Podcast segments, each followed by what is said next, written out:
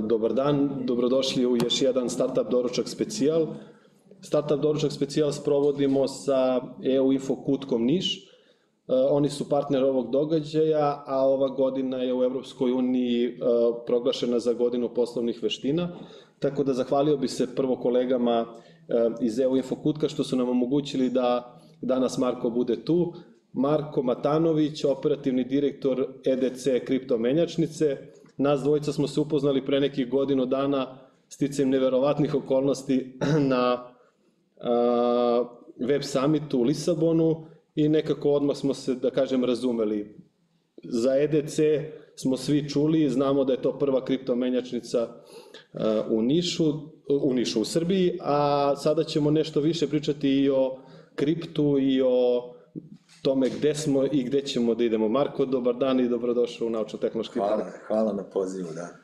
E, kako, si, kako, kako si stigo, kako je bilo o, doputovati do Niša? A bilo je super, mislim, ajde, kiša pada, ali generalno ja volim da, da se prolazam kolima malo, da se čovjek isključi od nekih drugih stvari, tako da ono što mi nije, nije obično, uspio sam čak da stignem sat vremena pre, obično stižem nešto knap, tako da super i eto još jednom hvala na pozivu i nadam se da ćemo, da ćemo uspeti danas neke, neke teme da pokrijemo i da, da kvalitetno obradimo.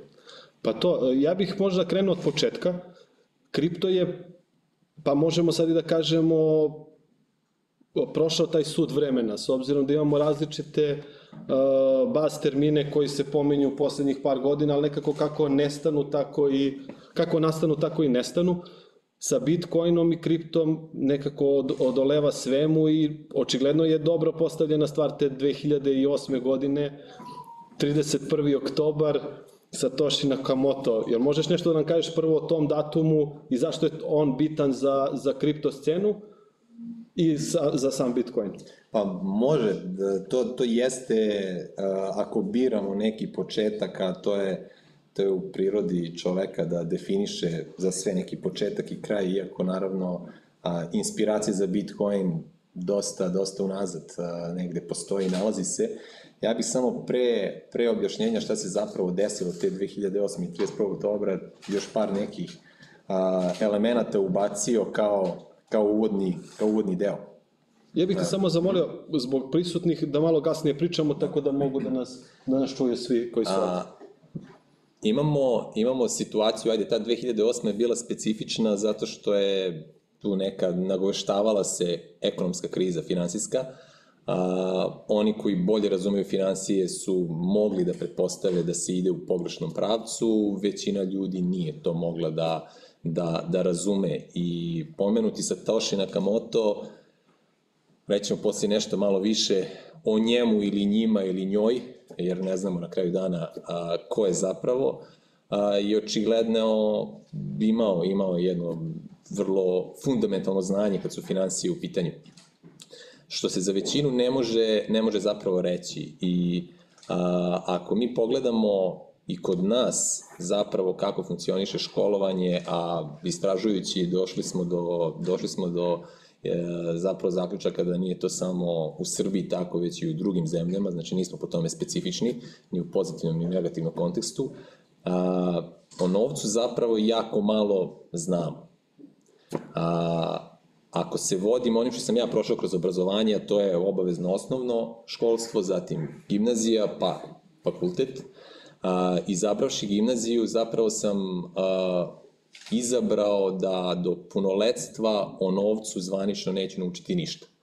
Jer naše školovanje, a opet kažem i školovanje u drugim zemljama i razvijenijim od našeg, a od naše a, novcu posveti otprilike vreme trajanja jedne futbolske utakmice. Koliko mene sećanje služi, to je čas istorije, jedan čas, znači jedno polovreme futbolske utakmice i drugo polovreme čas sociologije.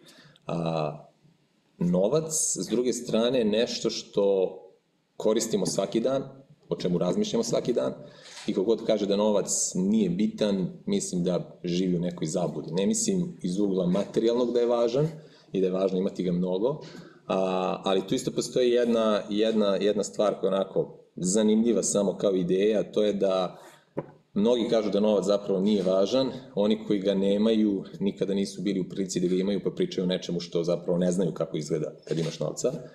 A i oni koji ga imaju kažu da, um, da novac nije najbitniji, a jako redko ga se zapravo odriču.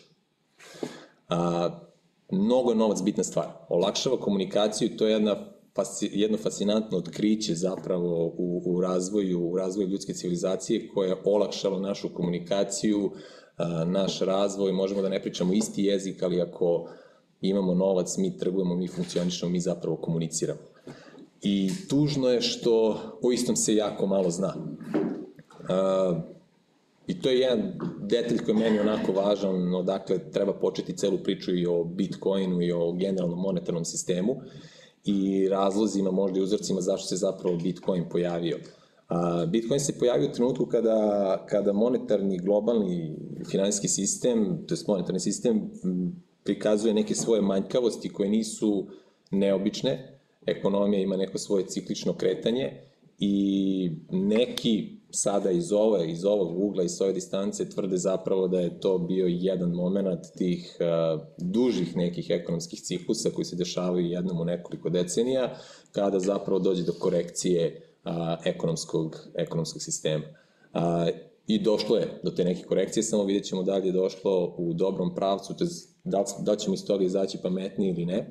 A, I pomenuti Satoshi Nakamoto je zapravo iskoristio tu priliku da plasira jednu fascinantnu ideju kroz taj Bitcoin white paper tog 31. oktobra 2008. godine, a, jer verovatno, pored toga što je jako dobro razumeo financije, mislim da je razumeo i, i socijalni psihološki aspekt ljudi, a to je rešenje nudiš ljudima onda kad imaju problem, a ne kad im je dobro. Jer kad mi je dobro, meni ne treba rešenje, meni je super. A, a u tom trenutku je se nagobeštavao ozbiljan, ozbiljan problem. A, izbačen je taj dokument koji je objasnio zapravo šta je taj neki Bitcoin, kako to treba funkcioniš, iako tehnologija koja stoji iza njega nije kreirana te godine, već decenijama unazad se a, radilo na, na nekim stvarima. A, ne znači da on radio, samo je crpio inspiraciju iz nekih prethodnih a, znanja, što je normalno u ljudskom razvoju da prosto stvari evoluiraju koristeći, koristeći prethodna znanja. I uh, to je bio neki manifest ili ajde dokument gde je on rekao da je to novi elektronski keš. I to je jedan izazov zapravo u, u tumačenju Bitcoina jer uh, možda su ga ljudi zapravo doživeli kao keš E, i kao zamenu za novac koji koristimo svaki dan, da kupujemo hleb, mleko i tako dalje, a zapravo pokazalo se kroz vreme da on možda ima neke druge, druge osobine koje, koje zapravo možda nisu taj elektronski keš, već nešto drugo. Da, o tome ćemo verovatno da pričamo yes. posle, jer upravo uvek kad plasiramo neku tehnologiju, mi nismo ni svesni na koji način će ona da se koristi. Lajmo da se vratimo na ovaj početak, pa ćemo da pričamo gde, gde smo sad u pogledu na koji način se koristi Bitcoin. Mm, jeste. Uh, sad smo, sad smo odmakli dosta daleko uh, od te 2008. to jest 9. godine kada, je, kada su počeli da se, uh, da se kreiraju, to jest rudare ili plasiraju prvi, prvi bitcoini. Uh, opet, kao što sam rekao da ekonomija prolazi kroz neke svoje ciklične momente, tako i sam Bitcoin ima svoje neke cikluse i, i neke svoje uspone i padove. A, s tim da nisu nužno usponi i padovi u ceni, zapravo usponi i padovi u nekoj tehnologiji koji iza toga, jer tehnologija iza toga je vrlo stabilna, vrlo konkretna i vrlo jasna. Poverenje je možda ne. Poverenje je ključna stvar koju ta tehnologija donela, jer evo, navešću, navešću jedan opipljiv primer i, i opet povezujem sa onim što sam rekao oko našeg poznavanja zapravo financija. Mi kada pričamo o jednom pojmu koji je danas vrlo aktualan, to je inflacija, a, jer je zadnje tri godine po 8, 14, 15%, barem kada je Srbija u pitanju na godišnjem nivou, što je kumulativno preko 40%. A, I kada se pokušava razumeti inflacija, to je kao neki opšti rast cena. Međutim, a, to zapravo nije baš do kraja tačno, zato što u svakoj državi se inflacija posmatra sa drugom korpom proizvoda i usluga, pa onda imate neke CP indekse u Americi, pa ne znam, kod nas je ovako i tako dalje i tako dalje. I onda zapravo dolazimo u situaciju da poredimo podatke između različitih država sa stopama inflacija, zapravo ti podaci u bazi nisu isti I posle se pitanje koliko uporedivo, pored mogućnosti da se time manipuliše. A, ali opet neko bazično shvatanje inflacije jeste da je to opšti rast cena. E sad, kako to može drugačije se objasniti šta je zapravo inflacija? A, inflacija je a, situacija u kojoj ja kao zaposlenik, nebitno u kakvoj firmi, u kom sektoru radim, ja za svoju energiju i svoje znanje i veštine koje imam, a, dobijam neku nadoknadu. I dobijam nadoknadu u novcu, koji smo pomenuli da je izuzetno važna, važna tekovina ljudske civilizacije. A, I meni taj novac zapravo predstavlja energiju. Jer ja tim novcem pomeram stvari.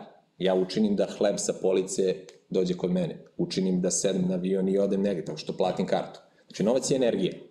A, I ulažući svoju energiju svaki dan, mene firma ili država ili gde god da radim nagrađuje određenom količinom energije. Sa ovakvim stopama inflacije, ako sam ja u januaru radio za hipotetički 1000 evra neto, zbog matematike uzimamo taj broj, a, ove godine, to znači da na kraju godine a, ispada su moje veštine slabije nego što su bile na početku godine. Može se desiti ako se neka tehnologija promenila, ja nisam uhvatio voz, međutim češće je zapravo da mi kroz godinu dana razvijamo svoje veštine, učimo, postajemo iskusniji i samim tim naš performans je kvalitetniji. Međutim, monetarni sistem trenutno kaže da će ono što ću ja dobiti od poslodavci dalje biti u, u nominalnom iznosu 1000 evra, ali u realnom iznosu u nivou energije zapravo 850.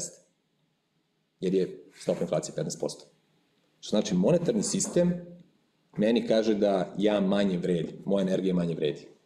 I to je ovako vrlo jedna opipljiva, opipljiva stvar i generalno gledano, to je, to je opet kažem jedan koncept koji je, a, koji je meni lično jako zanimljiv, a ujedno, kažem kad ga poredim sa, sa, sa time da, da zemlje to prikazuju na različite načine i takmiče se u tome koja će zapravo prikazati bolju, to je nižu stopu inflacije. Um, mi živimo u jednom, po meni, malo mutnom, mutnom ekosistemu gde se zapravo ne zna šta je šta. Je šta. E, kakve to veze ima sa Bitcoinom? Uh, Bitcoin zapravo je nešto što sticam okolnosti ima vrednost. I to isto jedan, jedna predrasuda koja se često javlja, to je šta nekom Bitcoinu daje vrednost. Pa isto što daje i bilo čemu drugom na ovom svetu. A to je neko poverenje naše da to ima neko vrednost ili neki naš stav o nečemu da ima vrednost. Jedine stvari koje imaju objektivnu vrednost su hrana, voda, vazduh i te neke isključivo egzistencijalne stvari. Sve drugo, ako se istorijski gleda, automobil danas, ne znam, neki automobil koji god, Toyota, sad ne reklamiramo, Peugeot, nebitno, Mercedes, recimo košta 30.000 evra. I to ima neku cenu kao onako, vrlo konkretna. Taj automobil pre 200 godina vredao bi nula. Nema upotrebnu vrednost.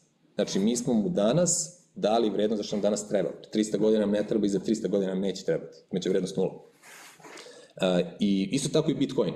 Bitcoin nema vrednost, e, ko što i novac u krajnjoj liniji nema vrednost, osim što ima svoju upotrebnu vrednost i što imamo državu koja nameće tu vrednost i svedoci smo toga da kada država ne funkcioniše kako treba, ljudi gube poverenje u državu i u taj novac, pa koriste alternativne načine. Imali smo to u Jugoslaviji, u Argentini sada imamo ludački stop inflacije, još nekim zemljama i onda i te neke valute domaće koje su zapravo novac, ljudi ne koriste zato što nemaju poverenje u to, nema vrednost. Dobro, jako je bitno da kažemo, osnovna ekonomska teorija kaže da je novac roba i da tu vlada zakon ponude i potražnje. Na neki način. Ukoliko ima država štampa novac, onda imamo novca više na tržištu i njegova vrednost pada. Jeste, s tim da je mnogo veći efekat na, na vrednost, na realnu vrednost novca zapravo ne da li ga štampa, a, jer u današnje vreme 97, 8, 9% novca zapravo u digitalnoj formi, a 1, 2, 3% je opipljiv u novčanici.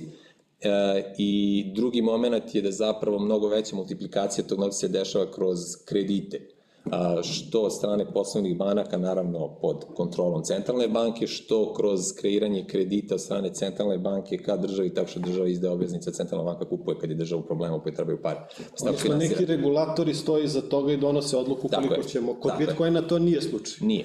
A, kod Bitcoina to nije slučaj, kod Bitcoina imamo kroz taj manifest koji je, koji je izdat zapravo situaciju da a, postoji set pravila koji je definisan kako će taj neki Bitcoin i blockchain iza njega a, funkcionisati. Inače, blockchain je isto ne treba, ne treba se plašiti toga kao neka sofisticirana tehnologija, ideja je fascinantna, tehnologija nije sofisticirana, postojala je mnogo pre Bitcoina, a, ali to treba razumeti kao zapravo a, jednu knjigu, kao vođenje knjiga jedne kompanije ili države, bilans uspeha, stanja, transakcije, šta se tu dešava, plus minus, koje moraju da budu uvek u balansu.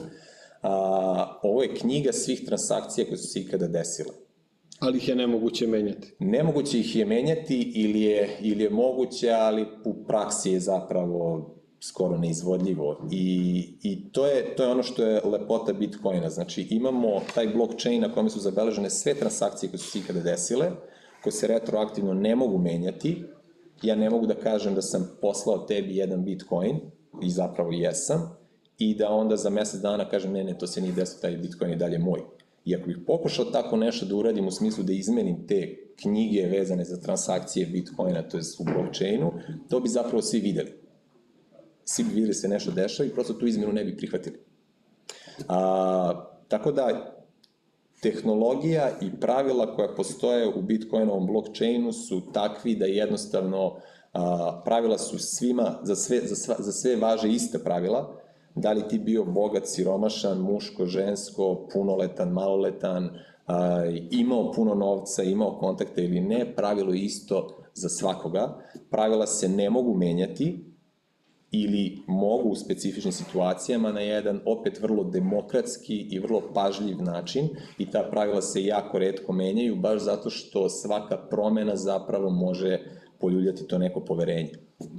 I imamo jednu situaciju da taj Bitcoin od 2009. kad se pojavio do danas, je osim u jednom kratkom trenutku, a, posle 3-4 godine rada kad su shvatili da imaju neki bug u, u, u tom kodu, a, nakon su ga ispravili, praktično imati, koliko sad je 14 godina neometanog 24-7, 365 dana u godini rada. Što mislim da nijedna druga institucija ili nijedna druga, sad čak i Gmail je pre godinu, dve, tri imao neki problem pa nešto nije radilo.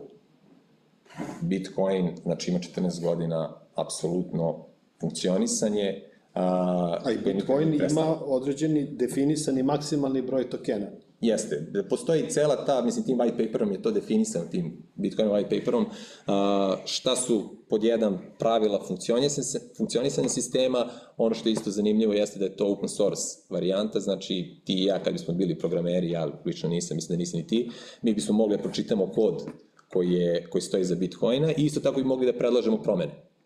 A, ti ja možemo i da predlažemo promene, iako ne razumemo kod, samo da nađemo programera koji bi znao to da iskodira i onda ta promena ide na neku vrstu glasanja, možda ne moramo sad ulaziti u to jer je to opet vrlo zanimljiva stvar, ali je, ali je dosta kompleksna.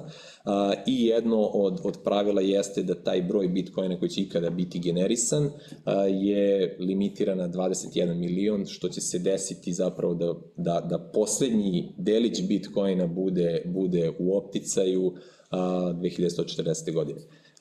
Zanimljivo je da se i ta dinamika apsolutno zna i da već sada možemo da kažemo da će to biti te godine. Ne možemo reći tačan datum, pošto postoje tu neke, neka prilagođavanja sistema u smislu te brzine a, kreiranja novih jedinica Bitcoina, ali sistem opet a, samo regulišući ako krene ta dinamika plasiranja novih jedinica a, te konkretne kriptovalute brže od onoga što je zapravo nekim tim master planom zamišljeno, sistem se reguliše tako da na neki način uspori se to. A, ali kažem opet da ne idemo previše u, u te tehničke detalje. Ali sistem samostalno funkcioniše, nema direktora, nema, nema zgradu, a, nema jurisdikciju, nema, nema nekoga ko može da dođe i da prosto to isključi, kaže ovo više ne važi. To je jako zanimljiv koncept zato što a, na, napravljeno nešto što je svima, što je svima dostupno i što je vrlo pošteno.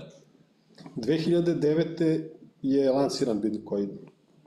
Ja sam iskreno prvi put čuo 2013. Kada on postaje mainstream? U početku se mnogo lako, brzo, sa slabim grafičkim karticama mogao da rudari. Sad je već to ne znam, verovatno postoji dalje rudarenje, ali je mnogo neisplativije nego što je bilo pre 5 ili 10 godina. Um, pazi, neisplativije, ako ćeš sa grafičnim karticama danas da rudariš, ne možeš da rudariš. Mislim, možeš, neće ništa uraditi.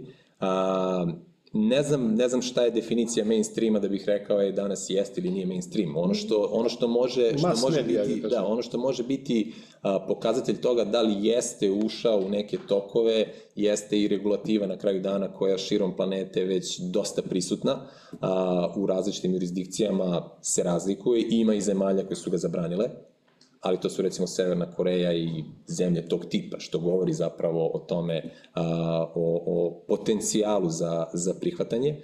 A, što se tiče samog procesa rudarenja, on je danas zapravo aktuelniji nego ikada ranije. A, I a, količina novca, samim tim i opreme koja se koristi danas za rudarenje je, mislim da je čak ovih meseci bila na istorijskom maksimumu. A, tako da jedno se promenio koncept, ne možeš više sa laptopom to da radiš, već su to ozbiljna postrojenja, neke ASICS mašine i tako dalje. A, I to je prosto sada biznis koji za, za obične ljude nije apsolutno dostupan. A, taj proces rudarenja koji zapravo a, služi da daje da daje, da povećava nivo poverenja u toj mreži, a, toj mreži jeste raširen po planeti i neke zemlje su recimo uvidele priliku u tome da privuku te rudarske farme, a, zato što vide vrlo konkretan benefit. Pored toga da neke države, kao države, zaista rudare. Ima par, par primera, malo manjih i egzotičnih zemalja, ali to rade. A, ali recimo u Americi, a, u Teksasu postoje znači, rudarske farme, a, koje zapravo pomažu, jer česta priča i bila, to je zaista bilo aktualno, samo se to smanjuje, da je, da je taj proces rudarenja onako, da nije baš environmental friendly, jer troši mnogo struje, zagađenja i tako dalje. Međutim, dosta se otišlo ka obnovljivim izvorima energije u tom procesu i recimo u Teksasu su radili sledeću stvar. Generalno u proizvodnji struje je problem što vi struju ne možete da ne možete da je čuvate za neke druge delove dana ili godine kada će biti potrebnija, već ono što se proizvede praktično odmah mora da se troši. Transport struje je skup iz ugla toga da Veliki na što većoj daljini veliki su gubici, tako je. I zato je struja u Srbiji noću jeftinija, zato što je potrošnja struje noću daleko manja i onda se građani motivišu da mašine i te neke stvari koje ono rade po 2-3 sata, šta god pale noću, da bi izbalansirali nivoje potrošnje. Danju, danju često mnogo više struje trošimo nego noću. I da bismo te te spajkove praktično smanjili te amplitude. I onda u Teksasu praktično imaju dogovor da te rudarske farme onda kada oni imaju jako malu potrošnju struje u Teksasu, da oni pojačaju na maksimum tu svoju potrošnju i da rudare koristeći obnovljive izvore energije, a, a kada imamo kontra situaciju, onda oni praktično malo smanjuju svoje aktivnosti. Tako da zapravo, pored toga što rudare Bitcoin koji ima neku svoju vrednost, pa za njih je to dobro, zapravo čine dobro i, i, i celom, celom okruženju. E sad, ono što je meni ono, kod, kod Bitcoina zapravo glavna stvar koju sam isto pomenuo da je Bitcoin dobio kroz taj white paper uh, to ime da je elektronski cash, a, a onda sam pomenuo tu neku energiju i ono što mi radimo i kako to prenosimo i pomenuo inflaciju, pa sada zaokružim tu priču, da zakon u Srbiji i u drugim zemljama je slično. Kaže da ja sa tom svojom energijom koja se zove cash, koju sam legalno zaradio, platio sve poreze i tako dalje, mogu da napustim ovu zemlju uh, tako što uzmem 10.000 evra ili manje, stavim u džep i odem. Ako odem sa više i ne uhvate me, nikom ništa. Ako odem sa više i uhvate me, ne znam, ne znam tačno šta je, šta je rezultat toga, ali me neće, ne bi trebalo da me Neke puste su to. sankcije. Neke sankcije postoje ili samo ne može, vrati se kući, to je to. A, I to je okej, okay. možda ili možda nije. Možemo da diskutujemo da li je to sad udarac na slobodu ili je to kontrolisanje, finansiranje terorizma, pranja novca i tako dalje. To je meni više filozofska rasprava nego što postoji crno-belo rešenje. A, ali ono što je a, evidentno sa ovom stopom inflacije, Znači, zadnje tri godine je 40%, zadnjih 10 godina u Srbiji je 80-90%. Pritom, mislim da se i manipuliše, ne u Srbiji, svuda se manipuliše s tim brojkom, mislim da je i veća zapravo. A, pre 10 godina je bio isti zakon. I pre 10 godina sam ja isto smeo sa 10.000 evra da napustim zemlju. Što znači da zbog monetarnog sistema inflacije koja je onako bila dosta konkretna a, zadnjih godina, a, moja sloboda da raspolažem sa novcem koji sam zaradio, to sa energijom koju sam pošteno zaradio, je danas duplo manja nego što je bila pre 10 godina. Isto važi i kada hoću da podignem pare iz banke, i onda mi kažu, aha, šta je svrha toga, šta ćeš ti s tim da radiš? 99,9% ljudi ima dobre namere s tim, nema loše da ugrožava tuđa prava, se bavi terorizmom, ne znači.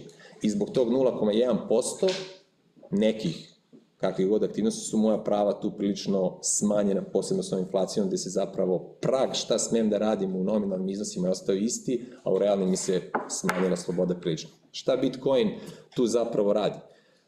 Bitcoin je prva stvar koja je kreirana od strane čoveka, koja zapravo taj problem na neki način rešava, jer ja mogu da a, posjedujem bitcoine, da ih kupim, legalno da ih kupim, jer država i naša ima zakon o digitalnom imovini, postoje pružavaci usluga koji mogu da ti obezbede da kupiš bitcoine legalno. A, ja kupim bitcoine i ja postajem apsolutno fleksibilan po pitanju toga da, opet pominjem energiju, da ja svoju energiju prenosim gde god hoću, kako god hoću. Ja kad stavim u džep, zato što mi na nekoj aplikaciji u mobilnom telefonu ili na nekom uređaju koji mi služi za pristup tim coinima, ja kad stavim u džep, ja idem gde god hoću. I to je ono što je učinilo Bitcoin popularnim i Tako je. dalo mu mogućnost da dalje Tako živi. Je. To, je, to je jedna od stvari koju su ljudi prepoznali, koju ja prepoznajem i imamo jedan praktičan Dobro, u početku su bile te špekulativni moment gde nagli rast cena, naglo poverenje, jer svaki put kad neko poljulja poverenje, Bitcoin naglo padne, a onda kad čujemo da ga neka država stavi u regulativu, on raste, sad je na 35.000, je tako? Pa, recimo, 36. A poslednjih par godina on se relativno stabilizovao u smislu cene ili ona i dalje... Ne, ja mislim da je cena vrlo volatilna i ako se uporedi, uporedi vrednost i vrednost svih bitcoina koja, kažem, postoje, ono, kad se pretvore u dolare, a, to je još uvek zapravo malo u odnosu na neka druga tržišta, recimo zlato je u ovom trenutku 13-14 triliona dolara, Bitcoin je ispod jednog triliona, koristim se te američko, sve su to uh, i tako dalje u srpskom. A, znači, razlika je nekih 20 puta je zlato, ukupno zlato vrednije od Bitcoina umetnička dela vrlo slično, akcije, obveznice, nekretnine, to je sve ogromno i neuporedivo sa Bitcoinom. I stoga, kada se male, mala prelivanja dešavaju ili ka Bitcoinu ili iz Bitcoina, zapravo to se na ceni reflektuje izuzetno dramatično.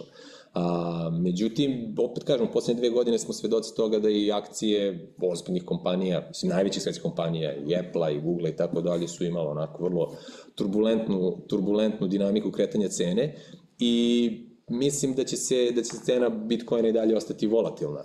A, postoji, ako se dovoljno odmaknemo iz te vremenske distance od par dana, pa danas je porastao 5%, sutra, sutra će da padne 12% i tako dalje, ali ako se dovoljno odaljimo, mislim da, da ide period koji će jednostavno i dalje gurati cenu na gore. E sad, da će to desiti za mesec, šest meseci, mislim da to niko ne može da predvidi i ja takva predviđenja ne volim da dajem, ali sam apsolutni optimista oko toga da ima svake logike da cena tog aseta zapravo raste.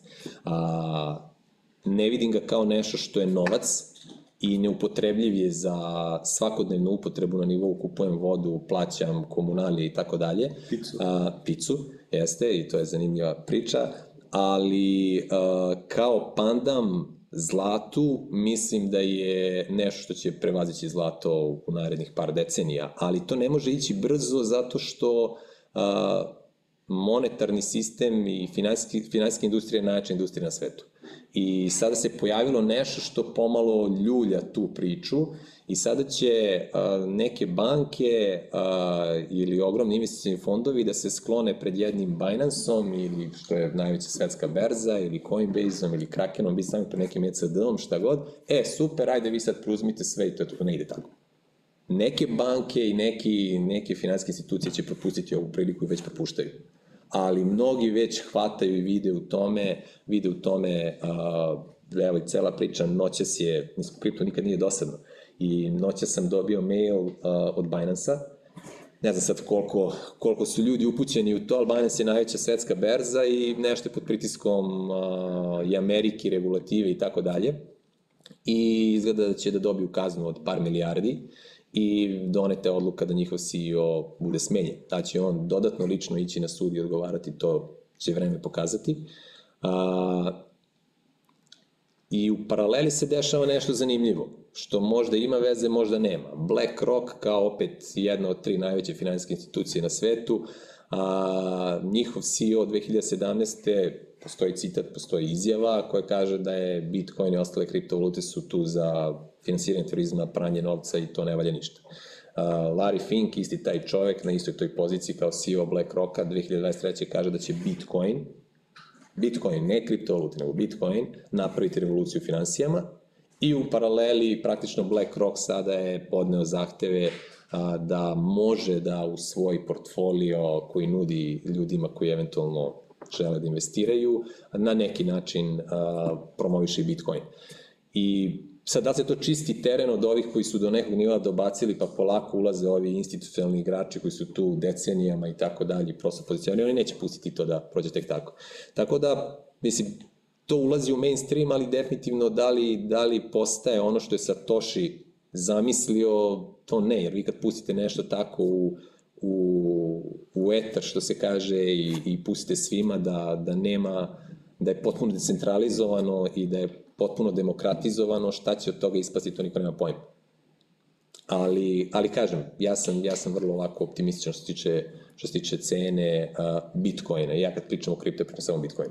Jer ovo, I tako delim kriptovalute na Bitcoin i, i sve ostalo. Uh, jer prosto, kažem, ovo je, ovo je tehnološki, filozofski, sociološki i ekonomski gledano superiorno u odnosu na ove, na ove ostale stvari i vidim ga kao neku vrstu zamene za zlato. Jer postoji još jedan detalj, a, mi idemo ka digitalnom i već smo žestoko u tome. Ja ne mogu da zamislim da ćemo za 10 godina da dajemo na rođenju nekog deteta zlatni dukat ili srebrnjak, što se dešavalo pre 20-30 godina. Ja možda hoću, jer sam ta generacija koja je to dobijala, pa hoću, ali moj klinac to neće da radi, to je 99% sigurno.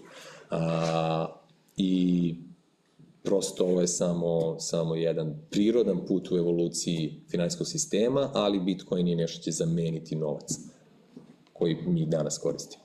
Sad bih se vratio opet na tu neku 2009. i te početke. u početku je svako od nas relativno lako mogao da rudari da dođe do Bitcoina. Onda kreću transakcije. Kad, kad nastaje EDC? Kad se stvara potreba da nastaje... ECD, pardon. ECD. Kada se stvara potreba za kriptomenjačica? A, Kada pazi, vi u tom je... trenutku odlučujete da idete u pravcu... Ja, nažalost, ne. Ja sam došao pet godina posle... Dobro, Aleksandar. Kad ECD, da, Aleksandar, moj brat i moj najbolji prijatelj Nikola, oni su, oni su to krenuli u to vreme. A, gledaj, nije bilo jednostavno doći do Bitcoina u to vreme. Bilo je jeftino ali, ali malte ne nemoguće. Tehnički, da, bilo je, bilo je izuzetno izazovno, posebno za nekoga ko nema, ko se ne snalazi sa, sa, sa tehnologijom generalno, sa internetom, ali ne na onom bazičnom nivou. Nisi nego... mogao karticom da odeš i da kupiš? Ne, ne, ne, ne, ne. A, konkretno mislim da je Bitcoin prvi put a, dobio vrednost od jednog dolara 2011. godine. Pre toga je bio nešto malo ispod, a tad je dotakao dolar, a prvi godin, godinu i po nije imao nikakvu vrednost. Znači, jednostavno, to je ono što smo rekli, a, Bitcoin nema vrednost po defaultu zato što treba ne treba da ima. Njemu daju vrednost ljudi koji ga koriste ili mu ne daju vrednost oni koji ga ne koriste. Ako ga svi ne koristimo, Bitcoin će vrediti nulu. A, e on je 11. dobio, došao da je jedan Bitcoin mogo se kupi ili proda za prilike 1 dolar. A, 2012. ECD krenuo da radi opet stice nekih zanimljivih okolnosti i slučajnih više nego, nego neke, neke vizije u tom trenutku. A, opet, pomenut, pomenuti dvojac je bio u nekom, da kažem, problemu, ostali su s nekim grafičkim karticama, potpuno neplanirano i onda šta radim s njima, pa je da googlam i ono, evo, može se rude. I krenulo se s rudarenjem. A, I onda se došlo od toga da su shvatili da postoje određeni ljudi koji zapravo hoće da prodaju, da kupe, a ne znaju kako. Onda, kao, mi to da probamo da napravimo i tako su napravili. Prvih par godina od te 2012. kada ECD postoje, mislim, prvih par meseci zapravo više bilo dana kad nema transakcije nego kad ima. Znači, bude dana, nema nijedne transakcije. A, I onda je Bitcoin imao te uspone i padove u ceni, iako kažem tehnološki gledano on ima samo uzlaznu putanju, međutim, da, ljudi, dobar deo ljudi zapravo u tome vide opciju, aha, kupim jeftino, prodam skupo, obogatim se i završio sam sve svoje probleme. Ono što je problem sa tom idejom jeste što većina ljudi zapravo u tom izgubi novac. A redko ko uspe da izađe na vreme i zadovolji se time. Prosto pohlepa počne da radi, to jača čoveka i niko nije imu na to. I dobar deo ljudi koji napravi novac zapravo ga vrlo brzo izgubi jer poželi još više i misli da je normalno da uložiš jedan i dobiješ sto. Nije, imao si mnogo sreće, bio si u pravom trenutku na pravo vreme i to je to. Da te pogodi još tri puta tako, nema šanse. Meni je taj nivo pogađanja tržišta ko da ja sa Jokićem treba da igram basket 1 na 1 i on je to što jeste, ja sam to što jeste i moja lopta, igramo do 1. Moja lopta, znači, i on me čuva, ja pokušam da dam koš. Ja ću dati možda slučajno nešto preko ruke, bacit ću neku froku i daću jedan koš. Ali da ga dobijem 10 basketa za redom, nema šanse, on će mi dobije 9, ako ne i 10. E, to mi je kad neko ko ne zna, pokušava da predvidi tržište, tradu i tako dalje, znači jednom ćeš uspeti, drugi ćeš uspeti, onda ćeš izgubiš sve. A, I činjenica da je, da je najveći broj ljudi bio Deo ljudi u stvari zapravo bio privučen tehnologijom, deo ljudi je privučen zaradom, neki su bili privučeni time što su mislili da je potpuno anonimno, pa su videli priliku da šalju i primaju neke transakcije za dozvoljene i nedozvoljene radnje, jer po meni biti anoniman nije greh sam po sebi i nije kršenje zakona. E sad, ako ga koristim za neke kriminalne radnje, onda jeste. A, ali prosto deo ljudi želi, želi privatnost mislim to sasvim okej. Okay. A, međutim, ispostavilo se, pošto smo rekli da blockchain takav da se svaka transakcija beleži i ona je svakome dostupna, a, zapravo nije anoniman. A, vide se transakcije, ne vidi se ko ih pravi, dok taj neko ne izađe u ovaj u pravi svet, u, u realni, iako mislim da je i taj podjednako virtualan kao i ovaj prvi.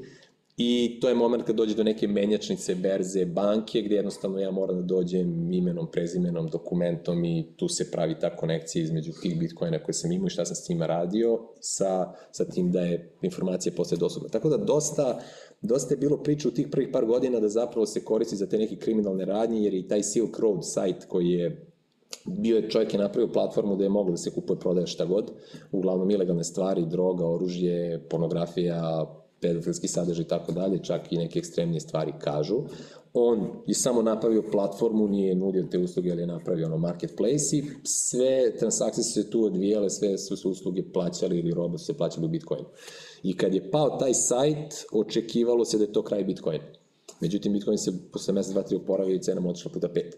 A, te 2012. 13. opet mislim da je 13. recimo ili, ili 12. je market kapitalizacija Bitcoina bila recimo 120 miliona nekih dolara a, u tom trenutku što je smešno malo iz ugla današnjih cifara, a u istom u istom trenutku je a, Lupiću sada HS, HSBC banka a, platila par milijardi kaznu zato što su prali novac meksičkih i južnoameričkih kartela.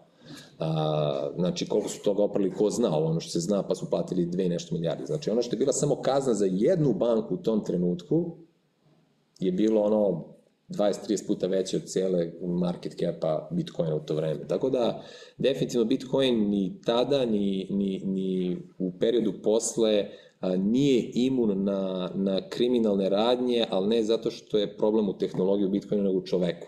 Ja imam automobil i mogu da ga vozim 30 na sat pored škole kad, je, su, kad časovi traju zašto ograničenje, mogu vozim 200 na sat. Nije problem u automobilu, problem je u meni. E, to je i sa Bitcoinom. Tehnologija je tu, čak i mnogo transparentnije i vidljivija nego što nego što se to misli, a, ali neki ljudi to ne znaju ili prosto zlupotravljaju što sistem nije bio spreman da sve to isprati, istraži i da neke stvari uhvati. Znači njegova vrednost nije anonimnost, nego je više ta liberalizacija da možemo sa našim novcem da radimo šta želimo. Sloboda. Pa, kažem, meni je, meni je to, za mene je to vredno, za nekog drugog zapravo jeste jesu kriminalne aktivnosti, ali toga je malo, neki su investitori, neki su špekulanti, svako vidi nešto svoje, jedan vrlo konkretan primer, apropo te neke slobode ili kad te muka natera, mi imamo jako puno korisnika sada iz Rusije i Ukrajine. Znači, ljudi koje je zatekla ta situacija... Htio bih samo da se vratim. Vi 2012. Kad, kad, kad kreće EDC da radi, da omogućava ovako običnom čoveku da, da kupi 2012. 2012. Da, ali... Kako je izgledalo u tom trenutku? Država, Evropa, svet, niko ne razume to. To, se, to je nešto, regulator, nešto se pa da, dešava, sad da li će to da pući će i to, neće. Znači, prvo me zanima to vaše iskustvo i trenutak u kome država odlučuje da neke stvari reguliše, odnosno gde, gde prvo kreće regulacija, da li u Evropi, da li u Americi, da li kod nas i kako je to vaše iskustvo? Ste vi sad vrlo jasno prepoznati i zakonski i Narodna banka vas prepozne. Taj deo me malo pa, gled, više interesuje, onda ćemo da se vratimo da, na, na korisnike. Za, za svaku novu tehnologiju praviti regulativu je skupo i nemoguće zamisliti da se desi zato što inovacija uvek ide pre regulacije. Jer ti imaš jedan, jedan eksperiment zapravo, koji se zove Bitcoin u tom trenutku, koji ne zna se u kom pravcu će ići, ne zna se koliko će postati veliki ili neće i praviti regulativu znači pod jedan razumeti sve to, predvideti dobro sve use case-ove i napraviti sistem koji će zapravo da sprovodi tu regulativu, što isto košta. I onda ako imaš jednu firmu koja ima pet transakcija u 10 dana od po par stotina evra, znaš, praviti regulativu, zakon, samo to, bilo gde u svetu, mislim, to niko ne radi. A, e sad, ti kao privredni, kao, kao pravni subjekt, kao kompanija, imaš zakone koje moraš da poštuješ.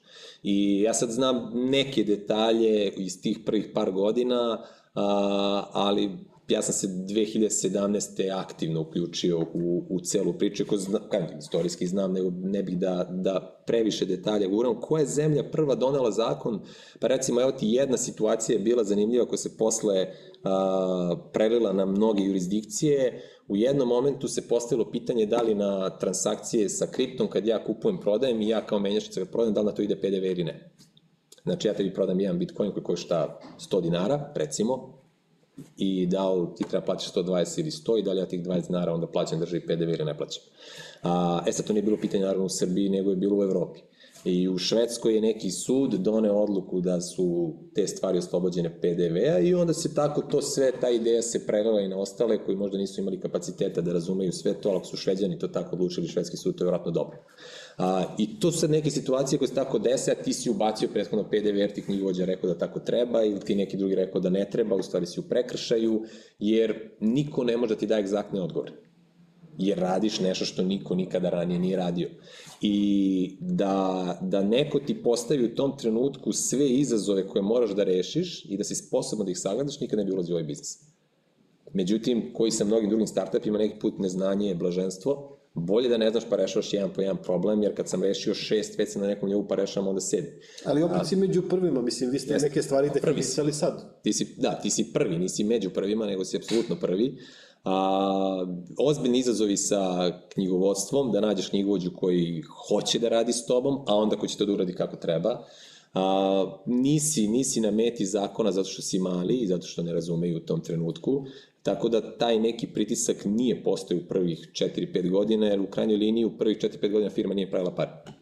Firma je više trošila nego što je, što je zarađivala a, i da nije bilo onog rudarenja od početka gde se nešto skupilo, mislim sve to otišlo, iako su to sad fascinantne brojke, kad bih rekao koliko se toga izrudarilo, sad bih rekao šta ti radiš ovde, kao vi ste završili, ne, zato što je rudaranje proces koji košta. Ti kupiš opremu, plaćaš struju i tako dalje, pa pa onda deo ti ostane.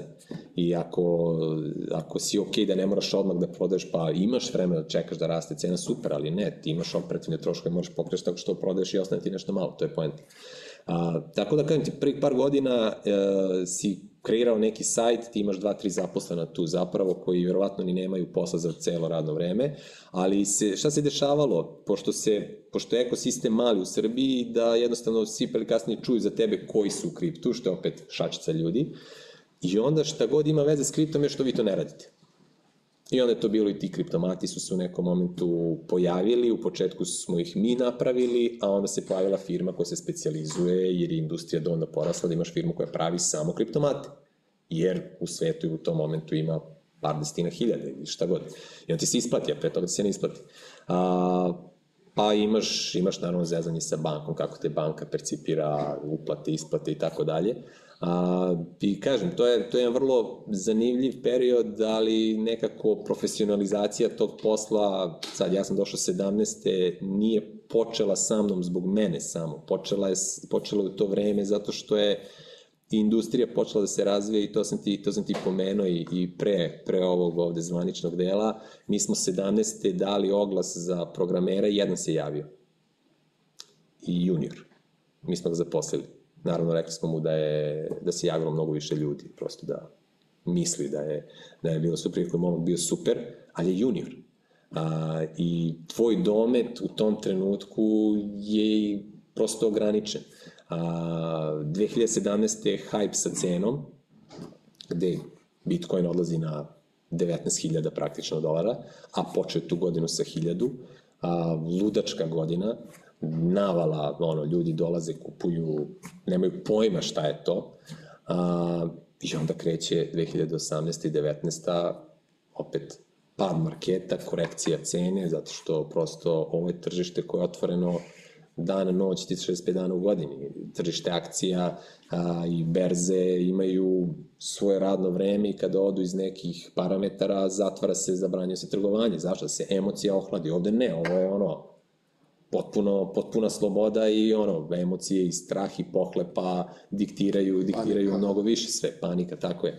Tako da, a, nas je, nas je praktično prvi regulatorni deo koji nas je zakačio, a da nije direktno vezan, da kažem, zakon u Srbiji je došao 2021.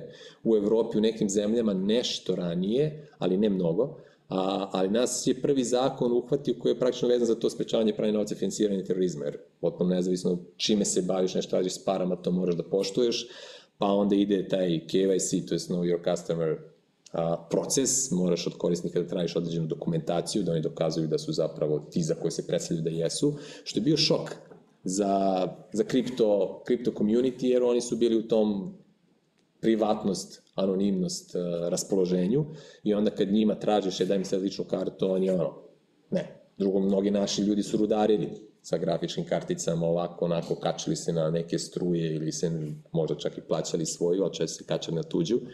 A, I prosto, znaš, takav čovek neće da ti, da, da kaže ko je iz vrlo, ono, neću kažem opravdanih, ali, ali logičnih razloga, da, nisu opravdani. A, I onda gubiš jedan deo korisnika, ali dobijaš neke nove koji koji opet imaju poverenje. Da, koji, koji, tra, koji su sada ona neka sledeća grupa koja, koja to može da prihvati. I mi smo stvarno tu, mislim, imali peripetiju sa, a, sa, tu, sa tumačenjem zakona šta smo mi zapravo u obavezi da radimo kad je u pitanju provera korisnika i koga smemo da pustimo, ne smemo i kad pustimo da onda pratimo transakcije, ne pratimo iznose i tako dalje.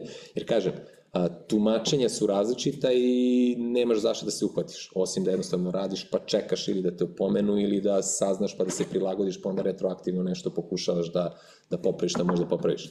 A, I do neka se stvari, da kažem, definišu sa tom 21. iako je pre toga taj zakon najavljen, a, postojalo je par firmi koje su u industriji, što kripto, što blockchain, a, koje su bile pozvane u te neke radne grupe sa ministarstvima, da damo svoje mišljenje o, o tim nekim aspektima, da im odgovorimo neka pitanja tehnička koja možda ne znaju.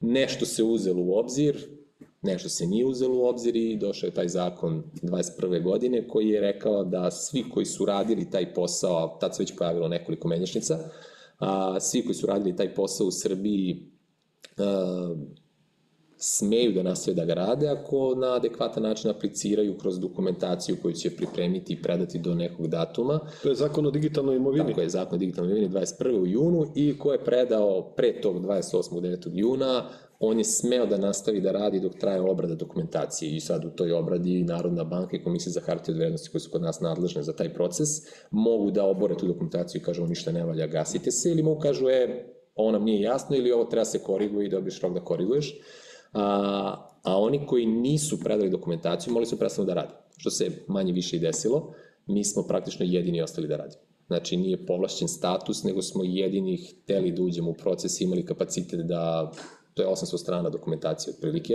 da se pripremi, da bude međusobno usaglašena, mislim, jedan administrativni pakao za ekipu koja ono, gotivi kripto, voli to nešto i hoće to da radi. Ja Moram da kažem, sad potpuno dosta postaješ... hrabro, vi ste baš krenuli u jedno potpuno neistraženo područje, istrajali ste u tome i sad, sad ste jedini odnosno prvi ste sigurno, jeste jedina kripto... E, gledaj sad, prvi, ako gledamo 2012. jesmo, i dalje, jer to niko ne može ti oduzme, a, ali što se tiče zakona, kažem, kada kako bi ti hteo da počneš da radiš sad ovaj posao, ti bi morao da predaš dokumentaciju i da čekaš da dobiš zeleno svetlo i tek onda smeš da počneš da radiš.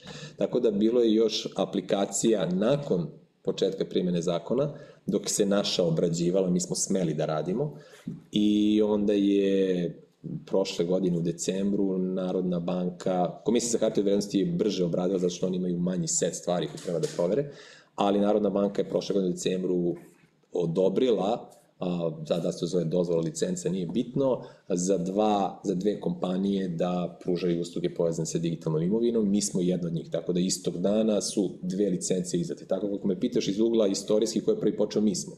A ko je prvi dobio licencu, pa mi oni oni, kako god hoćeš, isti dan. A, tako da I postoji još jedna firma koja je dobila, a, dobila dozvolu da se bavi time, ali jednom drugom oblašće to izdavanje tokena, jer ti kroz taj zakon imaš praktično 11 usluga koje su definisane kao usluge koje neko može da pruža kad je digitalna imovina u pitanju. I sad mi smo aplicirali za četiri, dobili smo tri. Da, tokenizacija nije bila jedna od, od naših, a, koja nas je zanimala, ali to je jedna druga firma dobila i to je jako jedan simpatičan i lep projekat, ono, vrlo, vrlo konkretan use case kako kripto može da se, da se koristi, ali ne Bitcoin, nego su napravili svoj token koji ima neku svoju funkciju i, i to lepo radi. Gde ste sad? Uh, opet, jednostavno tržište, korisnici traže stalne inovacije, Pretpostavljam da kod regulatora nije to baš tako... Ja, regulatori ne traže stalne inovacije. O, oni jednostavno traže vreme, a, vi morate da dobijete odobrenje, ne znam, za svaku novu uslugu koju pružate, možeš nešto da nam kažeš o, o tom iskustvu i, i gde ste sad, odnosno koji su planovi na kojima, na kojima ćete da radite, ne bili korisniku približili bolje korisničko iskustvo? A, da, to, to, je, to je izazov... A ja iz ugla nekoga koji u privatnoj firmi naravno regulativu ne gledam blagonaklono, ali kad se stavim u njihove cipele mogu dobar deo da razumem pristupa koji koji Pri vama je sad ta regulativa koristi Tako s obzirom da Tako opet da neko do, da se konkurencija treba, pojavi treba 800 strana da... Pa dobro, mi smo 800, možda može i manje, možda može i više, ali činjenica da, da se taj ali se zna. negde utebo. Da, ono što je isto, mislim, to su sad nezvanične informacije, ja ne znam koliko je aplikacija bilo, ali znam da su samo dve prošle, a bilo ih i dosta više. Znači da neki ozbiljni entiteti koji nisu bili, e, ajmo mi da radimo kripto, nego već imaju neke svoje biznise u, nekim, u nekom finansijskom sektoru, a, prosto nisu uspeli da zadovolje te kriterijume. A, što se tiče, mislim, mi politički nismo povezani ni sa kim, a, jer, evo, da jesmo, mi smo imali poresku koja je bila skoro dve godine u našoj firmi. Kada ti poreska dođe u firmu, ti ne smeš da menjaš direktora, ne smeš da menjaš vlasničku strukturu. To nam se pre primene zakona desilo, znači da imamo konekcije i veze, mi bi to rešili za šest meseci, šta treba da rešimo. I na kraju nalaz je bio takav da ništa nisu našli. Što je isto jako zanimljivo jer mislim mislim da je nemoguće da se ne nađe neka šolja koja možda nije zavedena, mislim, ono, administrativnom greškom. Znači, prosto u svaku firmu kad uđeš nešto može da se nađe samo pitanje koliko je to bitno. Suštinski nije, ali oni ništa bitno nisu, nisu, nisu kao nalaz iznad. A, što se tiče regulative i toga, proces je takav kakav je, mi ne možemo da ga menjamo, možemo da ono, malo se bunimo i koprcamo i tako dalje, ali u principu je proces takav kakav je hoćeš da menjaš neku funkcionalnost i nama korisnici kažu što ne uvedete ovo, što ne uvedete ono, mi hoćemo, tehnički smo sposobni da to uradimo, međutim, proces je takav da ti moraš da dobiješ odobrenje od regulatora, a to odobrenje nije zakažemo sastanak, mi napravimo prezentaciju i njima se to sviđa ili se ne sviđa i kao je ovo samo malo korigujte, nego je to opet dokumentacija koja se šalje, rok od 30 dana da dobijemo odgovor, odgovor može biti u vidu ok, može, odgovor može biti aha imamo pitanja, odgovor može biti ne može. Ako imaju pitanja, opet je to ka nama ide, pa onda mi dok pripremimo odgovor, pa opet 30 dana rok. I evo jedan jednostavan, opipljiv primer, a, mi smo ove godine strašno ponosni što smo uspeli da aktiviramo mobilnu aplikaciju. A pritom s jedne strane mi je super, ja sam ponosan na to, s druge strane nisam jer ovo je 21. vek. I tek ove godine to izbacujemo. Nismo mogli ranije, ne zato što nismo želeli, nego regulatorno nismo mogli to da uradimo.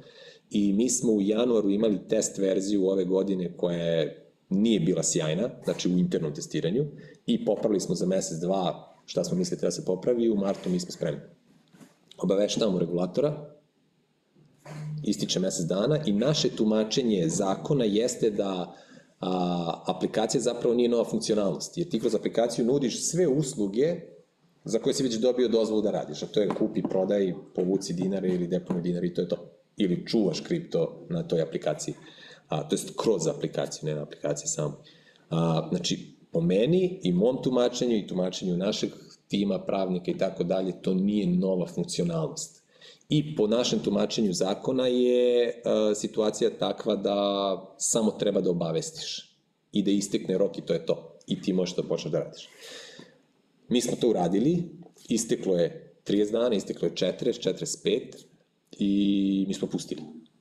Jer smo tako protumačili sad, možda smo pogrešili, možda nismo, na kraju dana nije ni bitno, nego šta je realnost, šta se zapravo dešava. I to je maj mesec i mi dobijamo mail da se kaže ovo gasite odmah. I pitanja slede dodatna koja mi treba da razjasnimo. Mi ulazimo u novi proces iteracije i komunikacije s regulatorom a, i mi smo završili konačno iteracije negde krajem avgusta ili početkom septembra. Znači ti imaš 9 meseci period u kome je jednu stvar koja je zapravo vrlo normalna da se danas ima, to je aplikacija, ne pričamo o prethodnom razvoju i planiranju svega toga, ali od momenta kad si možda spreman do momenta kada dobiš zeleno svetlo, koristiš protek. Za neke druge stvari ide brže. Ovo sam sad najavio jedan primer koji smo mi protumačili na jedan način, regulator na drugi. I uopšte nije pojenta da kažem oni su pogrešni, mi smo u pravu. Ali hoću da kažem da je oblast takva da imaš pet pravnika koji će ti kažu ti si u pravu i pet pravnika koji tamo sedi kaže nisi u pravu. Gde je sada istina, ne znam. Tako da to je, to je jedna krupna stvar i krupna stvar je video identifikacija sa kojom smo imali a, uopšte moment i imaš digitalni biznis i da bi mogao da ga koristiš, ja moram s tom da se sretnem fizički da bi video tebi tvoju ličnu kartu, KYC proces. I onako, za jednu malu firmu koja je, opet kažem, okrenuta ka tom nekom IT-u i Bitcoinu i nešto regulativi, zapravo postaješ organizacija koja ima osam ljudi koja je po raznim gradovima zaposlena u Srbiji, zove ljudi, nalazi se s njima i ono, juri ih u dva ujutru, pet ujutru, pet popodne na poslu, kući, gde god je. I mnogo korisnika odustane. Mislim, iskreno, tako, lični tako. primjer je kad je trebalo da upravo to, da prođem kroz taj postupak, jednostavno sam odustao. Tako je. Nisam, nisam. Tako je. A pritom u paraleli korisnici naši imaju mogućnost da to urade na stranim berzama. I onda naši ljudi kupuju na stranim berzama, što je okej, okay, jer mi smo jedan use case, smo menjačnica, nismo berza, a, ali deo njih bi sigurno ostao, ostao ovde. E sad, umeđu vremenu su se pojavili drugi izazovi, a to je kad kupuješ na stranoj berzi direktno, prvo kako ćeš pošalješ pare tamo, sad recimo neke berze više ne primaju ni uplate karticama i drugi izazov kako ćeš legalno da povučeš pare ovde jer su banke u jednom momentu zatvorile tu komunikaciju kripto berza do, imaš dolare na kripto berzi, hoćeš da ih povučeš na račun u Srbiji, nemoguće skoro. Tako da ECD tu postaje onda postaje kanal. Ta video identifikacija je eto drugi proces koji nam isto bio vrlo, vrlo intenzivan i, i vrlo tehnički zahtevan i administrativno i koji se sad, da kažem, aktivirao i ono, dobrodošli u 21. vek. Gde smo sad? Gde je Evropa? Gde smo mi? Uh kada pričamo o digitalnoj imovini? Pa gledaj, tu je to opet, eh, gde smo sad, otprilike znam gde ćemo biti, to možemo da nagađamo. Evropa eh, priprema, to sve će pripremila regulativu koja je jedan okvir za celu Evropu, iako svaki... Evropska unija. Evropska unija, da. A mi u suštini pratimo njihovu... Pa, do nekle pratimo. čak mislim da i nije dobro da u svemu pratimo. A, oni su napravili, to se zove Mika, a, ta neka regulativa koja ima sa nekih svojih 1, 2, 3, šta god a, faza. I prva faza postaje aktualna sledeće godine i to je sada nametanje određenih standarda koji svaki pružalac usluga sa digitalnom imenom, sa kriptom, mora da zadovolji. I, da kažem, jasne su smernice. To je pravljenje od tih, od tih kompanija zapravo finansijski, prave, prave se finansijski, male finansijske institucije, znači prosto imaš vrlo, vrlo ozbiljan set stvari koje možeš da zadovoljiš. E sad, ono što se sprema je za dalje 27. 28. ta neka mika dodatna koja zapravo a, bi trebalo da promoviše ideju da nijedan, nećeš moći ni na jednoj menjačnici ili berzi ili sličnom servisu da šalješ kripto i koristiš kripto ako prethodno ne dokažeš poreklo to kripta. To znači apsolutna kontrola i praćenje. Ko opet kažem, iz nekog aspekta je dobra, iz aspekta da imaš neki FTX berza pre godinu dana koja je pukla i tako dalje, pa su pare nestale zbog lošeg upravljanja. A, ali s druge strane opet ulazimo u onu priču s početka da ja sa svojom energijom koju se legalno stekao zapravo ne mogu raditi šta hoću. E sad, ako ja dokazivanjem toga da je to moje me puste da radim manje više šta hoću, to je okej. Okay. A, tako da to je to što se tiče Evrope, kod nas prosto mi smo zakon jako brzo doneli u kontekstu toga kad su druge zemlje donele. Međutim, e, opet nije stanovište moje iz ugla moje firme zato što je nama to bolje, nego opet korpus ljudi, pravnici, knjigovođe, ljudi koji su u blockchain industriji i tako dalje, smatraju da je taj zakon već svež za određene izmene, što opet meni potpuno prirodno, jer ono, probali smo, ajde da krenemo, u praksi ćemo vidjeti šta radi, šta ne radi. Samo da se ta izmena dogodi relativno brzo i opet da se implementiraju neke stvari koje su koje su korisne i koje su smislene. Jer regulativa u ovom kontekstu mislim da, evo ti bi jedan primjer, FTX kad je pukao prošle godine, globalno se ništa nije desilo. Nestale nekih par 10-20 milijardi dolara kripto korisnika, a, ali globalno ništa. Ove godine pukne Silicon Valley Bank i još par regionalnih, svet se zadrma. A u iznosu novca koja je zapravo izgubljen tu, to nije hiljade puta više. Mislim da je ovde par desetina do 200 milijardi, a ovde 20-30 izgubljeno, pa će se vidjeti šta će se vratiti tako. Znači, razlika je puta pet. Znači, svet se uplašio da se ništa nije desilo ovaj, ovaj što je vodio FTX, on je uhapšen, procesuiran i posle manje od pola godine, godinu dana od početka procesa osuđen na neke doživotne robe i tako dalje. Ovaj Silicon Valley Banka dobio godinu dana, a prošle godine ono, 15-20 miliona je dobio, mislim da je 15 miliona dobio ono bonus i, i to je to. A, kripto je vrlo surov i pošten iz ugla toga da ako dobro radiš, u skladu s regulativom i prilagodljiv si i napraviš tu neku izdržljivost na razne pritiske pa i usponi padove cena, jer kad cena pada nama je dobro, kad cena raste nama je dobro, međutim kad cena se zaustavi dole nama je loše, jer onda ljudi se malo uspore, ali kad je ovo, mi imamo, mi imamo ozbiljan, a, ozbiljnu količinu posla. I sad da se vratimo ono što smo ostali, vi sad dobar deo korisnika imate upravo iz Ukrajine i Rusije, odnosno iz onih područja koja pa da kažemo su nestabilna, dešavaju se neke, neke velike promene, ajde da kažemo, njihovim politikama ili ekonomijama. Uh, da, ajde kad kažemo, sad kažemo dobar deo korisnika, mislim dominantno su naši građani. Po, primetio se porast tako, tih korisnika. Pa, primetio se porast zašto? Zato što opet vraćamo se na onu početnu tezu gde, gde je taj jedan od use case-ova Bitcoina,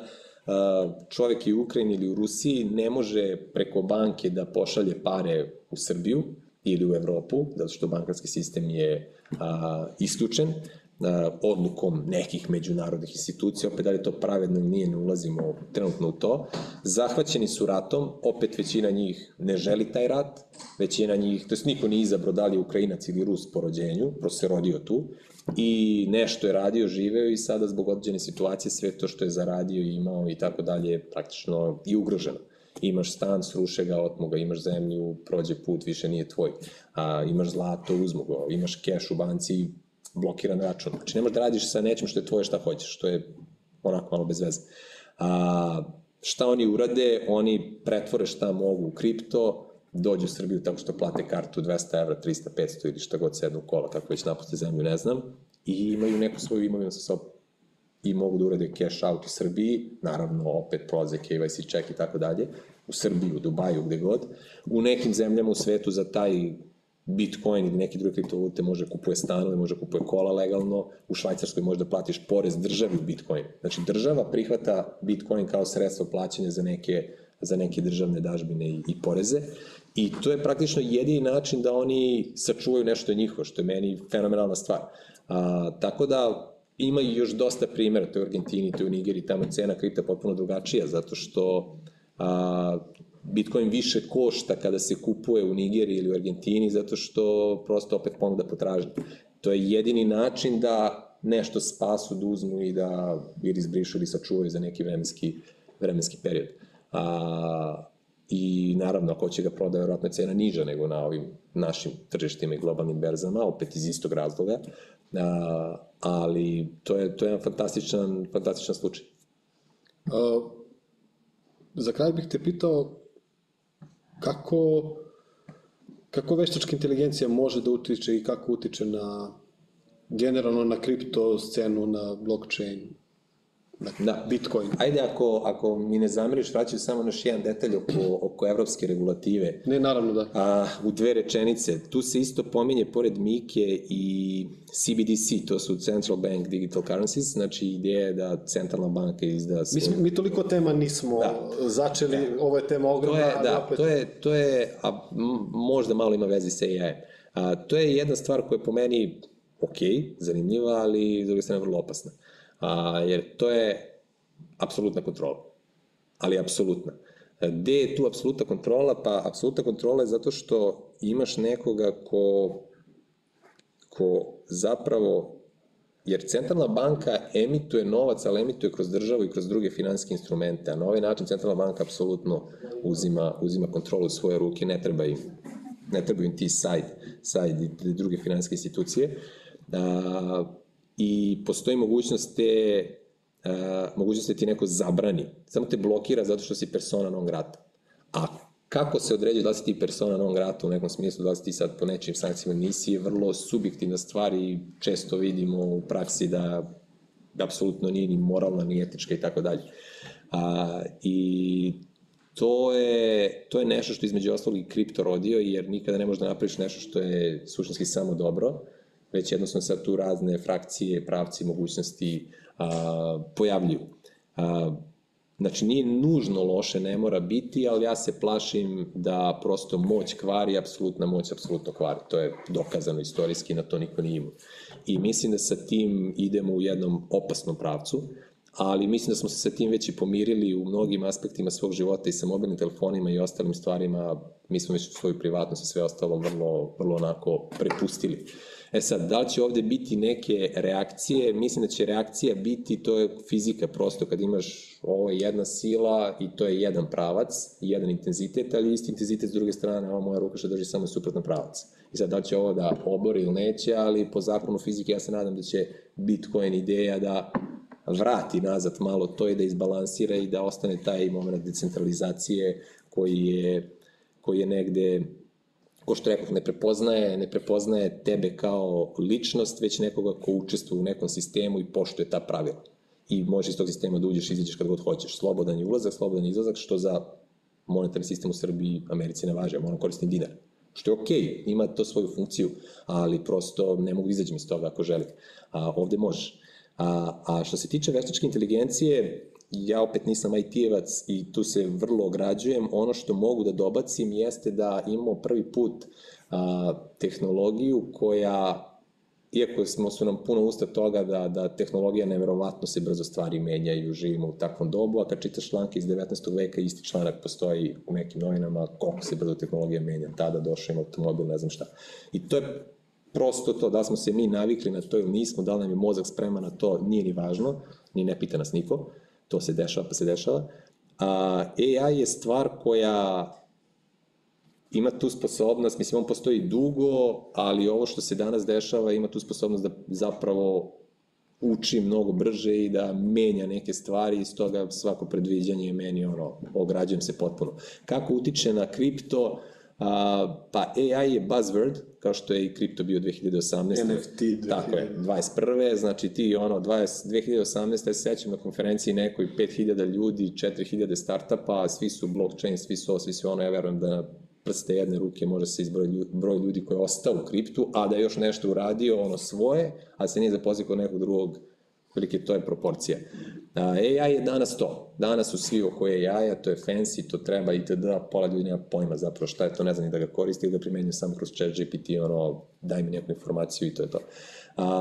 AI u kriptu se trenutno koristi praktično za generisanje nekih vesti i sad možeš vidjeti navalu vesti koje zapravo često nisu tačne, gde se neka poluinformacija uzme i onda se brzo izbaci i onda to eventualno utiče na neku reakciju, porast cene, pa cene i tako dalje. Nisam u toku, iskreno ti dam, no, nisam ti relevantan sagovornik za to da ti kažem sada u tom i tom kripto projektu se koristi AI na taj taj način i tako dalje. Prosto nisam stigu time da se bavim, ali mislim da je jedna zanimljiva oblast koja je ono, mm, previše brzo, ako je kripto brzo, ovo je još brže. Ali mislim da će i to malo da se, barem kod mainstreama, a, izduva, iz ugla interesovanja, a će se apsolutno na tome raditi, jer vidim, vidim paralelu sa kriptom, jer svi su kripto, svi integrišu kripto, svi integrišu blockchain, to je besmisleno, blockchain je skup za integraciju i besmislen u većini, u većini primjera, a, ali u tom nekom momentu kad je hype, svi smo u tome, jer to dobro zvuči, a zapravo niko ne razume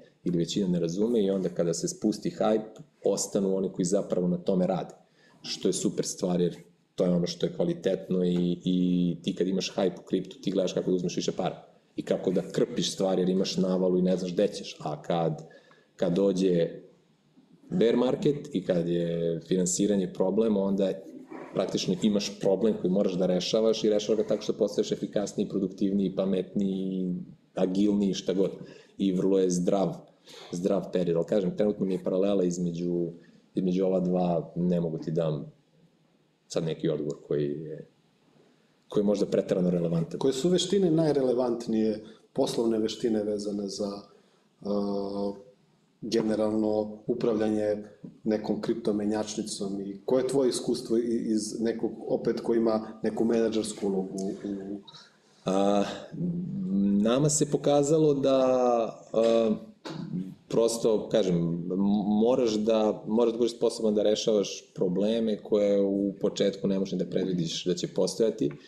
A, zatim, a, treba da, da držiš nekako energiju i svoju i ljudi u situaciji kada ti kripto padne sa 30.000 na 15.000 a, i kada vidiš ono, taj free fall i tako dalje, da nekako ostaneš pozitivan i onda kao, znaš, kako drugima da kažeš ne brini, bit će sve okej, okay, ja znaš, ne da garantuješ, znaš.